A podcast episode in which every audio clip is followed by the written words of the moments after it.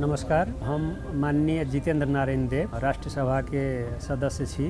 जहाँ तक हमर अनुभव छै, अखन भरखरे हमरो सबके और इंजेक्शन लऽ के एहिठिना बैसल छियै। जे टेलीविजनमे देखैत हेबै, बड़का बड़का सुइया देखैत हेबै, लोकके सुइया लगाबै कालमे बहुत दुख दुखेतै कि कोना हेतै, जे डर, त्रास जे एकटा मनमे छै, से कोनो राखऽके ज़रूरी नहि छै। हमरा तऽ अखन जे इंजेक्शन देलकै, तऽ कखन सुइया कखन घुसेलकै कखन निकाललकै, ई पतो नहि चललै हमरा। हम पुछलियै कि भऽ गेलै?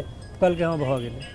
आसान छै ई जे कोनो तरहके अहाँके डर राखऽके कोनो ज़रूरी नहि छै। बहुत नीक जकाँ इंजेक्शन जे स्वास्थ्यकर्मी छै, ओ लगा दै हम सब आदरणीय भैया लोकनिके, दीदी बहिनके, हम आग्रह करब इंजेक्शन लगायल जाय और अपना के सुरक्षित कयल जाय। सार्वजनिक हित के लागि नेपाल सरकार स्वास्थ्य तथा जनसंख्या मन्त्रालय